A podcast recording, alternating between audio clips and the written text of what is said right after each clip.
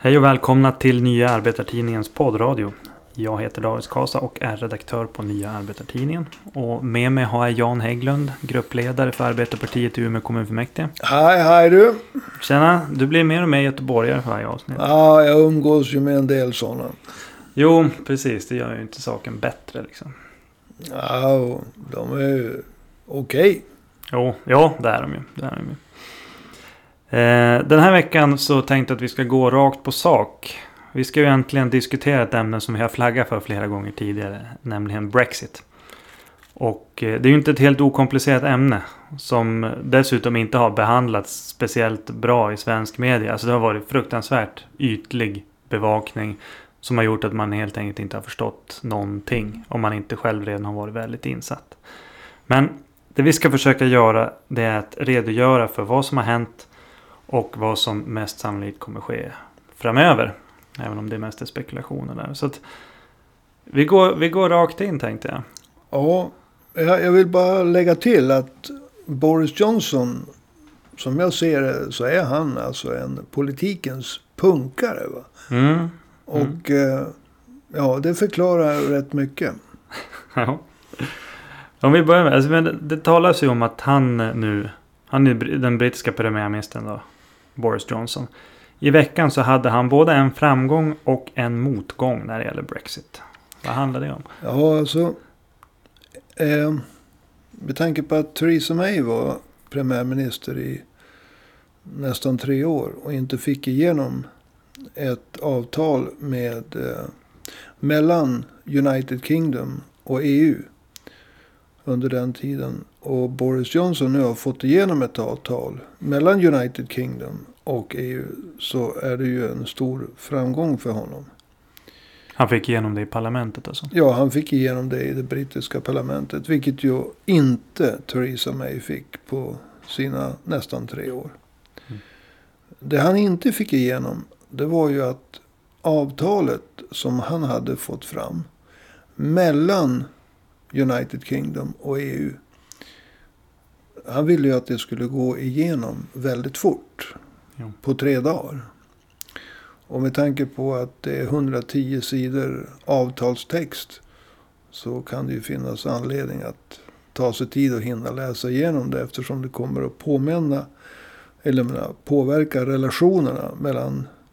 Inte bara Storbritannien och EU. Utan indirekt mellan Storbritannien och resten av världen. Mm. Under många generationer så kan det ju vara åtminstone okej med fyra fem dagar. Precis. Vad innebär Boris Johnsons avtal då? Ja, alltså Boris Johnsons avtal. Det innebär mer Brexit kan man säga. Och, och det här är ju väldigt eh, paradoxalt. Men vad, vad Storbritannien har velat. Och det har ju alla förstått. De har velat lämna EU. Och vad det i praktiken betyder. Det är att det som kallades de fyra rättigheterna. Alltså fri, friheterna. Frihet eh, eh, för kapital att röra sig ut, alltså över gränserna inom EU. Frihet för arbetskraft. Frihet för varor. Frihet för tjänster. Den gemensamma inre marknaden. Vi kallar det för det i fortsättningen. De fyra friheterna eller den inre marknaden. Det ville Storbritannien lämna. Mm. Mycket på grund av att många ansåg att det var för många polska gästarbetare som kom och tog jobb till för låga löner. Och konkurrerade ut brittiska arbetare och brittiska företag. Så man ville lämna den gemensamma inre marknaden. Och det andra det var att man ville lämna tullunionen. Och tullunionen den innebär att mellan länderna i EU finns det inga tullar. Mm. Och mellan EU och omvärlden finns det gemensamma tullar. Och det är just den här tullfrågan som har varit problemet på grund av Nordirland. Och om man jämför så Theresa May i hennes förslag till det brittiska parlamentet så skulle hela United Kingdom, England, Skottland, Wales och Nordirland vara kvar i tullunionen. Tills United Kingdom och Irland kom överens om gränsen mellan Irland och Nordirland. Medan i Boris Johnsons avtal så är det endast Nordirland som är kvar i tullunionen. I tullunionen. Till dess att United Kingdom och Irland enas om gränsen Irland-Nordirland. Om man uttrycker det väldigt enkelt. Det blir mer Brexit med Boris Johnson. Alltså Theresa May, hela United Kingdom, England, Skottland, Wales och Nordirland blir fångad i tullunionen till dess man är överens. Eh, och Boris Johnson, då är det bara Nordirland? Det är bara Nordirland. Medan England, Skottland och Wales går ut direkt. Just det. Men eh, det är ju inte så långt till att tänka. Alltså, är det här ett steg mot en återförening av, av Irland då? Men Nordirland får ju mer gemensamt nu med Irland än vad de har med övriga UK. Liksom. Ja, det är definitivt så att om det här avtalet nu går igenom. Då kommer det uppstå en situation där Nordirland hamnar på den ena sidan av tullunionen. På samma sida som Irland. Och på, en and, och på den andra sidan står England, Skottland och Wales. Mm. Så att under en övergångsperiod så blir det verkligen så att Nordirland och Irland har mer gemensamt än vad Nordirland har med England, Skottland och Wales. Men tanken är ju att det ska skrivas ett handelsavtal som, om man får uttrycka sig så, återför Nordirland till England, Skottland och Wales. Ja, just det. Har jag förstått det rätt då? Alltså, det blir tullar mellan Storbritannien, UK och EU i fortsättningen alltså? Det blir tullar. I och med att eh, England, Skottland och Wales lämnar både den inre marknaden och tullunionen. Så blir det tullar från och med att det här avtalet går igenom. Mm. Mellan det som, alltså stor, det som en gång hette Storbritannien, United Kingdom. Minus Nordirland. Och EU. Ja, just det. Om vi stannar kvar en liten stund till på det här och jämför vårt grannland Norge. De är ju inte med i EU. Hur har de eh, reglerat relationerna till, till EU? Till exempel när det gäller tullfrågan. Ja, de har gjort det mycket enklare för sig. Alltså de är med i tullunionen. Och det innebär att mellan Norge och EU. Den, den inre marknaden menar du? Ja, de, de, de, är med i den inre marknaden. Alltså de fria, fyra friheterna. Alltså fri, fri, fri rörelse av kapital, arbetskraft, varor och tjänster. Och därmed så har de också avskaffat tullarna mot EU. Det följer som med på köpet. Så Norge har inga tullar mot EU. När det gäller inom, alltså handel med EU. Däremot så kan Norge sätta sina egna tullar mot USA och Kina. Ja, just det. Så man kan säga att Norge har väldigt mycket bra. De har, de har inga tullar mellan sig själva och EU. Men de kan sätta egna tullar mot USA och Kina. Det kan inte Sverige som är med i EU. Just det. Ja, men då, då tror jag att vi har gått igenom själva avtalen här. Men ska man förstå varför det har varit så mycket kaos kring frågan om Brexit, då måste vi egentligen börja från början.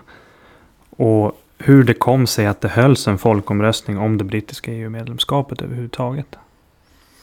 Ja, alltså det var ju på en höft kan man säga.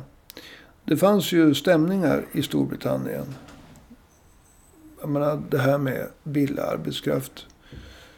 Ett missnöje som har funnits i många länder. Och då tänkte den dåvarande premiärministern för Torypartiet, eller Conservative. men i populärt kallad Tories. Eh, den dåvarande premiärministern som var Tory, David Cameron, han tänkte ja, ja, jag blir populär om jag utlovar en folkomröstning kring eh, e EU-medlemskapet. Det är klart att den majoritet av människorna i England, Skottland, Wales och Nordirland, United Kingdom, kommer att vilja stanna kvar.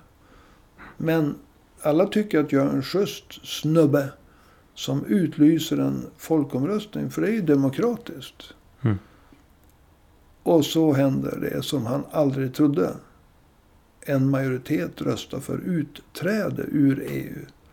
Och därmed så inleddes det en minst sagt turbulent fas i United Kingdoms historia. Jag kan inte tänka mig att säga Storbritannien annat än av felsägning. För det stora Britannien har blivit det lilla Britannien. Och därför kan vi kalla det för det United Kingdom. Som inte ens är United.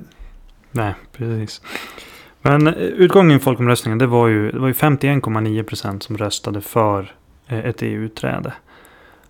Hur, eh, du, du sa ju det, Cameron han var ju inte intresserad av, av något utträde egentligen. Hur var hans, vad var hans reaktion och vad hände efter folkomröstningen? Ja, alla hatade honom för att han eh, ställde till det. Han trodde ju absolut att folk skulle stanna, en majoritet skulle stanna, rösta för att stanna kvar i EU. Och att han skulle bli ja, hyllad för att han var demokrat och bevisade det. När det nu blev en majoritet som ville lämna EU och alla de här problemen började så fick han ju omedelbart avgå. Och eh, han... Eh, jo, det var en mycket tillplattad David Cameron som stack. Torypartiet var inte enat. Men eh, efter folkomröstningen så var Torypartiet ännu mer splittrat mellan de som ville lämna och de som ville stanna kvar i EU. Och eh, under folkomröstningen så var två av de främsta profilerna. Alltså en profil som ville lämna. Det var Boris Johnson. Han var Tories, alltså höger. Och en profil som ville stanna. Det var han som hade utlyst folkomröstningen. David Cameron. Han var också Tory. Alltså höger. Mm. Så eh, det vart ju som motsättningarna inom Torypartiet vart ju accentuerade väldigt, väldigt kraftigt. Jag menar två av de främsta företrädarna för varsin sida tillhör samma parti. Det brukar mm. inte vara så bra. Nej. För partiets sammanhållning. Och det var definitivt inte för Tories. Så att om man sammanfattar det. David Cameron, han, han lovade att de skulle genomföra en folkomröstning om EU. Egentligen för att han ville vinna röster ja, till Torypartiet. Ja. Och det gjorde han också. Han vann valet, men inte folkomröstningen. Nej, och han, men han trodde att han skulle vinna den enkelt då. Remain, som det hette då, skulle vinna. Och så blev det en hård strid mellan olika falanger inom Tories. Själva folkomröstningskampanjen. Och det, det, ställer ju liksom frågan, var, vart var det andra dominerande partiet i, i brittisk politik? Eh, Labour? Ja, det är många som har undrat, vars var Labour? Eh, Labour har ju haft en eh, också turbulent historia. Eh, Margaret Thatcher, en klassisk conservative eller tory. Hon sa ju att den största segern för oss när vi så att säga genomförde högerpolitik och gav oss på samhället i Storbritannien. Det var att vi lyckades förändra även Labour. Och hon pekade på Tony Blair. Som var en ny typ av Labour-ledare. Och eh, när Margaret Thatcher tvingades avgå och när Tories förlorade makten i, i eh, United Kingdom. Då kan man säga att Tony Blair, den nya Labour-ledaren, fortsatte att driva en markerad högerpolitik. Det var en nyliberal falang som tog över Labour. Skar ner i offentliga utgifter, privatiserade. Även när det gäller utrikespolitiken så blev man USAs starkaste, bästa allierade i samband med invasionen av Irak 2003. Mm.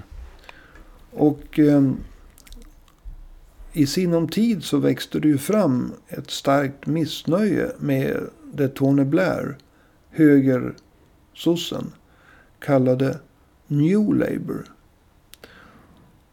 Och 2015 så höll man ett partiledarval. Och då släppte man in folk på ett speciellt typ av medlemskap. Ja, du har väl någon sorts stödmedlemskap med rösträtt? Ja, typ. man, man, man fick bli stödmedlem för att vara med och välja Labourledare. Och det här trodde högern skulle gynna dem. Men istället valdes Jeremy Corbyn. Han som är ledare än idag. Fyra år efteråt. Och han framstod som en mer traditionell socialdemokrat. Som inte tillhörde Tony Blairs högergäng. Mm. Och det väckte stor entusiasm. Tusentals, hundratusentals nya medlemmar strömmade in i Labour. I samband med att Corbyn valdes till partiledare. Mm. Och det här var ju väldigt impopulärt bland de gamla anhängarna till Tony Blair. De blev ju ungefär lika chockade över att Corbyn vann partiledarvalet i Labour. Som eh, David Cameron vann vart när, när den brittiska befolkningen röstade för utträde ur EU. Ja. Så vi, vad vi har fått det är alltså ett splittrat Toryparti, ett splittrat Labourparti och ett splittrat Storbritannien. Och inte bara eh, höger-vänster utan kors och tvärs. Ja. Däribland höger-vänster. Men fyra, fem andra parametrar också splittring. Mm. Så det är minst sagt turbulent.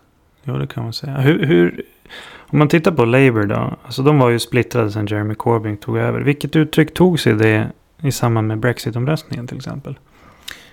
Ja, alltså man... Från högersidan i Labour. De som var trogna Tony Blairs högerpolitik. De ansåg ju att Jeremy Corbyn inte var tydlig på att Storbritannien, eller Lillbritannien. UK. UK, United Kingdom. De tyckte att han skulle ha gått ut hårdare och sagt att United Kingdom skulle stanna kvar i EU. Men Corbyn har varit en EU-motståndare. Och eh, han låg ganska lågt i folkomröstningen. Och blev alltså attackerad då hårt av Tony Blairs gamla anhängare. Som ansåg att han skulle gått ut mycket hårdare och sagt stanna kvar i EU. Mm. Och de här försökte också genomdriva, och de lyckades genomdriva ett misstroendevotum mot Jeremy Corbyn. Men han hade ju stöd av en majoritet av partimedlemmar. Så trots att det har gått fyra år sedan han valdes. Så är han fortfarande eh, en ordförande för Labour. Va? Mm. Men han är en diffus och svag Labour-ledare. Och eh, hans svaghet beror på hans eh, ve velighet. Han, han måste helt enkelt rensa ut Tony Blairs gamla anhängare. Bli herre i eget hus. Och kunna lägga fram egna politiska förslag. Och visa en tydlig skillnad mellan Labour och Tories. Man kan inte ha två partier i ett. Det går inte i Tories och det går inte i Labour. Blir, då blir det väldigt otydligt för folk. Jo. Vad partierna står för. Så att vi kan alltså sammanfatta det som att efter folkomröstningen om Brexit så har det brittiska politiska livet dominerats av två stora och djupt splittrade eh, partier. Det stämmer. Och eh, i Torypartiet tillsammans med den brittiska smutspressen. Så har man eh, gjort allt för att försöka demonisera Jeremy Corbyn. De har beskrivit honom som en hemsk person. Han är egentligen en ganska traditionell Labour parlamentsledamot. En ganska traditionell socialdemokrat. Men när man attackerar en person tillräckligt mycket. Då blir man fångad i sin egen propaganda. De attackerar honom för att han inte är en extrem högertyp inom Mm. Labour som Tony Blair var. De är sur för det. Men eh, han är inte speciellt annorlunda än tidigare ledare för Labour. Det var Tony Blair som var annorlunda. Han Mm. var så fruktansvärt långt till höger. Va? Men nu har alltså Tories fastnat liksom i sin egen bild av Jeremy Corbyn. Så de har svårt att diskutera och förhandla och komma överens med honom. Mm. Helt enkelt för de har fastnat i sin egen propaganda. Och det är farligt att göra. Man kan, menar- man kan, man kan eh, föra propaganda inför ett val. Va? Men man ska helst inte tro på sin propaganda om, om man överdriver den för att vinna röster. Nej, precis. Men du, du menar alltså att egentligen hade... Alltså, Corbyn är så pass mycket traditionell sosse att Tories hade kunnat sätta sig ner med Labour-ledningen och få fram ett avtal som, som så att säga, det som i Sverige skulle kallas för ett blocköverskridande avtal. Ja, det är, det, det är jag helt övertygad om. Alltså, till skillnad från väldigt många människor som eh, lyssnar på svensk media. Och när det gäller att bevaka utlandet så rekommenderar jag alla att omedelbart springa så fort ni hör svensk media rapportera. För de är inte speciellt duktiga. Det var väldigt snällt sagt. Ja. Men vi går Eh, vidare. Du menar att jag ska ha svurit lite grann? När jag, nej men alltså, ta bara det här med hur många har via svensk media fått reda på vad Theresa Mays avtalsförslag med EU bestod i? Går. Ingen. Nej. Hur många har fått reda på vad som skiljer Boris Johnsons avtal med EU jämfört med Theresa Mays? Ingen. Så att eh, Nej, det det, det, man får inte ut speciellt mycket när det gäller vad som händer i omvärlden om man läser svensk medias utlandsrapportering. Och när det gäller Brexit Mm. så får man ännu mindre. Och när det gäller att förstå vad som händer i USA, vilket vi inte ska gå in på, så förstår man absolut ingenting. Nej, nej, Det är ingen som det har är så läst... politiserat. Alltså det är ju, Ja. de, de ser ju Trump som djävulen och Johnson som lilljävulen. Det är ju ingen, det är ju ingen som fattar vad, hur, om man läser svensk media, varför Trump vann valet. Nej, Det är helt ofattbart. precis. Ja, ja, om vi går tillbaka till Brexit igen. Ja, Så, men Theresa May hon misslyckas ju med att få igenom sitt utträdesavtal i parlamentet. Som ju hade inneburit då, som, som du sa då, att hela United Kingdom stannar kvar i tullunionen. Eh, och när hon avgick, hon hade ju efterträtt David Cameron när han avgick. Theresa May då själv avgick i början av sommaren och efterträddes då av eh, allas vår punkare eh, Boris Johnson. Då. Ja. Och då blev det ju plötsligt väldigt livat. ja, visst. Det var ju så att han fick ju inte bli basist i Sex Pistols. utan det vart ju Sid Vicious. Så han, eh, Boris Johnson blev ju istället en vicious politiker. Japp, Det där tyckte jag var roligt. det var ganska Ja, roligt. han ser ganska punk ut. Eh, vad var frågan? Jo, nej men eh, vad heter nu, det vart ju livat. Det Va- vart vad, var det, livat. vad var det han gjorde när det gäller Brexit när han tillträdde då? Ja, alltså så här. Han sa, vi ska ut ur EU med ett avtal eller utan ett avtal. Huvudsaken är att vi lämnar EU fort. Mm. Det var vad han sa. Just det. Lagar hit och lagar dit. Det bryr jag mig inte om. Vi ska ut ur EU fort. Men om det hade blivit då, för det han, det han sa var ju det att han är beredd att lämna utan ett utträdesavtal med EU. Det de kallar för en no deal Brexit. Att krascha ut ur EU. Va? Exakt. Vad hade det inneburit om det hade hänt? Rent politiskt så eh, hade det blivit en katastrof. Cirka hälften av eh, United Kingdoms import och export går till EU-länder. Och London är idag EUs finanshuvudstad. Storbritannien har länge haft en vacklande ekonomi. Det var en gång hela världens verkstad. Men idag så har egentligen tillverkningsindustrin lämnat Storbritannien. Mm. Och eh, en no deal Brexit, att lämna EU utan avtal, det skulle ha kunnat krympa den brittiska ekonomin betydligt mer än den redan har krympt. Med ytterligare arbetslöshet, ytterligare nedskurna trygghets och välfärdssystem. Ännu mer låglönekonkurrens. Alltså Storbritannien skulle bli ett land som levde på låga löner, låga skatter och som kunde visa upp några ruiner från fornstora dagar för turister. And Mm. that's it.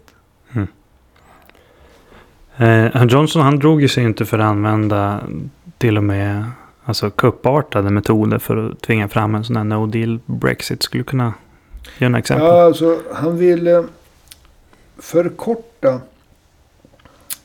Parlamentet är alltid stängt en bit in på hösten.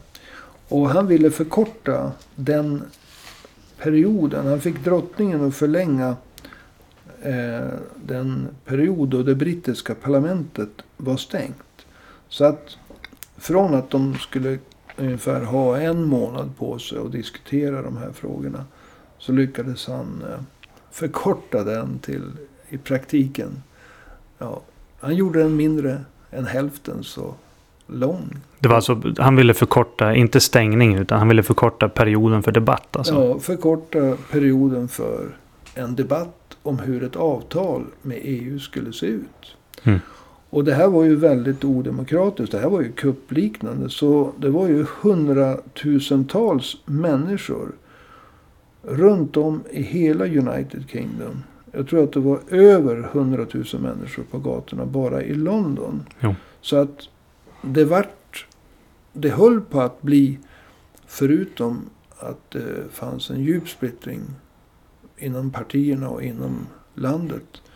När det gäller Brexit så höll det ju på, på att bli en fråga om demokrati kontra icke-demokrati. Därför att Mm. han uppträdde så fruktansvärt arrogant mot eh, befolkningen. Mot eh, parlamentet. Man måste ju komma ihåg att när folkomröstningen skedde. Och det måste alltid sägas i alla intervjuer och debatter kring det här. oavsett om man röstade ja för att gå ut ur EU eller nej och ville stanna kvar i EU. Så var det ju inget alternativ som sa vi ska lämna EU utan avtal. Det fanns Nej. ju inte med. Nej. Och nu ville Boris Johnson helt plötsligt bara lämna EU utan avtal och dessutom med odemokratiska metoder. Och det var att gå för långt. Och därför så reste sig hela Storbritannien. När- han är ju inte Nej. vald ens. Han har ju Nej. inte vunnit något val. Nej, han, är, han har ju inte ens vunnit något val annat än bland några ledamöter inom Tories. Ja. Eller medlemmar i Tories. Mm. Eh, Men det är en väldigt liten del av den brittiska befolkningen. Så att en person som har inget, legiti- inget han är inte legitimt vald. Och han baserar sig på någonting som inte ens var ett alternativ i folkomröstningen. Och så försöker han genomföra en avtalslös EU, EU-utträde på ett odemokratiskt sätt. Mm. Alltså det blev för mycket. Ja. Han led väl nederlag i, i parlamentet också? Ja, det här var ju för mycket för alla, höll jag på att säga.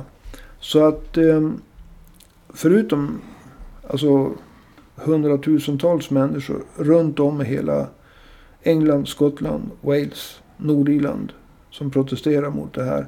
Så led ju Johnson, Boris Johnson ett nederlag i parlamentet. Det var Labourpartiet, Liberaldemokraterna och en hel del Tories från hans eget parti som röstade igenom en lag som band hans händer. Och att eh, han, ja, han kunde inte lämna eh, EU förrän den sista januari 2020 om det inte fanns något avtal på plats. Just det. Men det hade han tänkt strunta i också. Va? Ja, han sa det. Han sa att han, eh, alltså som den punkare han är, va, så sa han att han tänkte strunta i det och bryta mot lagen. Men det visade sig vara en bluff. Så i slutändan så ansökte Boris Johnson om att få skjuta på datumet för ett utträde och få lite tid att förhandla fram ett avtal. Och det har han ju lyckats med. Precis.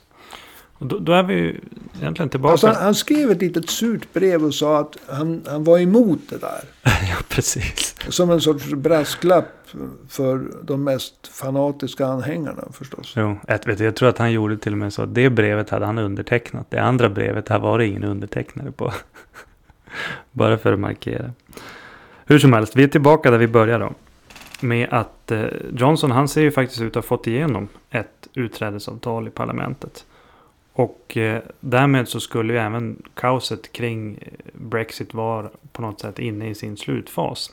Ja, vi, vi ska ju inte ropa hej så att Nej. säga. Men eh, det verkar så. Ja. Går det att säga att det är någon som har liksom gått segrande ur det här? Det är ju nästan tre år av... av ja, över tre år är det nu. Av, av eh, Ja, mer på, eller kort, mindre kaos. på kort sikt så är ju en seger för Boris Johnson. Mm. Till skillnad från Theresa May. Som hade tre år på sig. Utan att få igenom ett avtal i det brittiska parlamentet. Så har ju Boris Johnson fått igenom ett avtal. Och dessutom så är det mer Mer Bre- Brexit. Mer Brexit. Jag menar, tills man har kommit överens med Irland så är det bara Nordirland som är kvar Mm. i tullunionen. Medans Skottland, England och Wales, de får utträde direkt. Mm. Och i eh, Theresa Mays eh, avtal, då var ju hela United Kingdom kvar. Så att på kort sikt så är det här en stor seger för Boris Johnson. Och eftersom han leder Torypartiet så är det ju en seger för hela, hela Torypartiet. Och det kommer ju säkert att märkas i opinionsmätningarna. Det är därför han vill ha till stånd ett val nu i december. Mm, 12 december tror jag. Ja, för att då tänker han rida på att han har lyckats liksom ta Storbritannien ut ur denna kaotiska period. Och med tanke på att Labour och Jeremy Corbyn har hållit en låg profil. För Corbyn har inte varit herre i eget hus. Och inte kunnat profilera sig så mycket. Så är ju risken det att hela det här avtalet. en, en, nej, ett val nu. Där kommer Boris Johnson att kunna säga, titta, jag fixade det, det här med Brexit. Mm. Titta på Jeremy Corbyn. Han har inte fixat någonting. Så att om valet den 12 december kommer att ske på Boris Johnsons villkor. Då blir det ett triumftåg för honom. Jag fixade utträdet ur EU. Jag fick bra villkor, bättre än Theresa May. Och Jeremy Corbyn, han, ja, vem är han? Mm. Om valet skulle hållas lite senare och handla om andra frågor också. Som jobben, arbetsvillkoren för de som har jobb. Alltså löner, Mm. trygghet, välfärden, nedskärningarna. Då skulle Labour ha mycket större chans. Så lyckas Boris Johnson nu få igenom att det ska bli ett avtal. Nej, eh, förlåt. Ett parlamentsval den 12 december. Då är sannolikheten stor att det går bra för Tories Mm. på grund av det här. Precis. Ja, men du, eh, jag tror att vi stannar där för idag kring Brexit. Ja, Jag tycker att vi har fått med det mesta. Framförallt sånt som inte har sagts i svensk media. I Eh, jag stort. skulle vilja lägga till alltså att Boris Johnson, det är en riktig rövare i mina ögon. Och Mm. det är just den här tveksamheten, det vaga. Jeremy Corbyn, som inte har sett till att bli herre i eget hus. Utan låtit en minoritet, en riktig högerminoritet, stanna kvar i Labourpartiet. Sabotera Labourpartiet. Det är därför som Boris Johnson, en odemokratisk rövarbaron, nu kan framträda som en segrare. Va? Mm. Och att, att jag har skojat lite grann om honom som en punkare. Det, ja, det, det låter ju som att jag gillar Boris Johnson. Men det gör jag inte. Det enda jag gillar med honom det är hans frisyr. Va? Men i övrigt så är han en odemokratisk typ. Som försökte krascha ut ur Jo. eh, EU. Utan att vara vald själv. Utan att eh, liksom att, att, att, att eh, ja, köra över all, all, all, all demokrati Mm. överhuvudtaget. Va? Och det var därför Storbritannien reste sig i protest mot honom. Va? Jo, precis. Så att det är ingen bra person. Men han kan rida på det här nu. Så. All right. Men du, jag får tacka så mycket för idag då. Jan Hägglund, gruppledare för Arbetarpartiet i Umeå kommunfullmäktige. Ja, jag, jag får tacka själv. Jag ska gå hem och lyssna på lite Sex Pistols skivor och en och annan Clash-skiva också.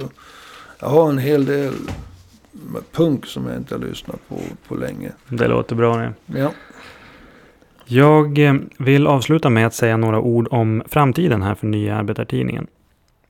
Under november så kommer vi ju lansera vår nättidning och nya hemsida där vi förutom tidningen eh, och dess artiklar även kommer erbjuda den här poddradion, vilket vi gör redan idag. Vi kommer ha webb-tv, arbetsplatsrapporter från hela Sverige, eh, en blogg, eh, tips på dokumentärer och tv-program och liknande som man behöver se och lyssna på för att förstå vad det är för tid vi lever i idag. Och ja, mycket annat. Och eh, vår målsättning är ju att skapa en alternativ media för en alternativ vänster. Vill du veta mer om vad som menas med en alternativ vänster så kan du eh, lyssna på vårt förra avsnitt av podden. Där pratar vi mycket mer om det här. Eh, men storsatsningen för att skapa en alternativ media för en alternativ vänster, den är inte gratis. Och vi har inga statliga bidrag utan vi är beroende av stöd från läsare och lyssnare. Så tveka inte att skicka in en slant till oss eh, via Swish till exempel. Numret är ju 123 504 7105. Alltså 123 504 7105. Och kom ihåg, det finns inget bidrag som är för stort. Du får skicka hur mycket pengar ni vill för att stödja oss. Men det finns inte heller något bidrag som är för litet. Eh, så att allting uppskattas. Och eh, med de orden så hade vi ingenting mer att säga idag, utan det var allt. Jag heter David Skasa. Det här var Nya Arbetartidningens poddradio och vi hörs igen nästa vecka. Tack och hej!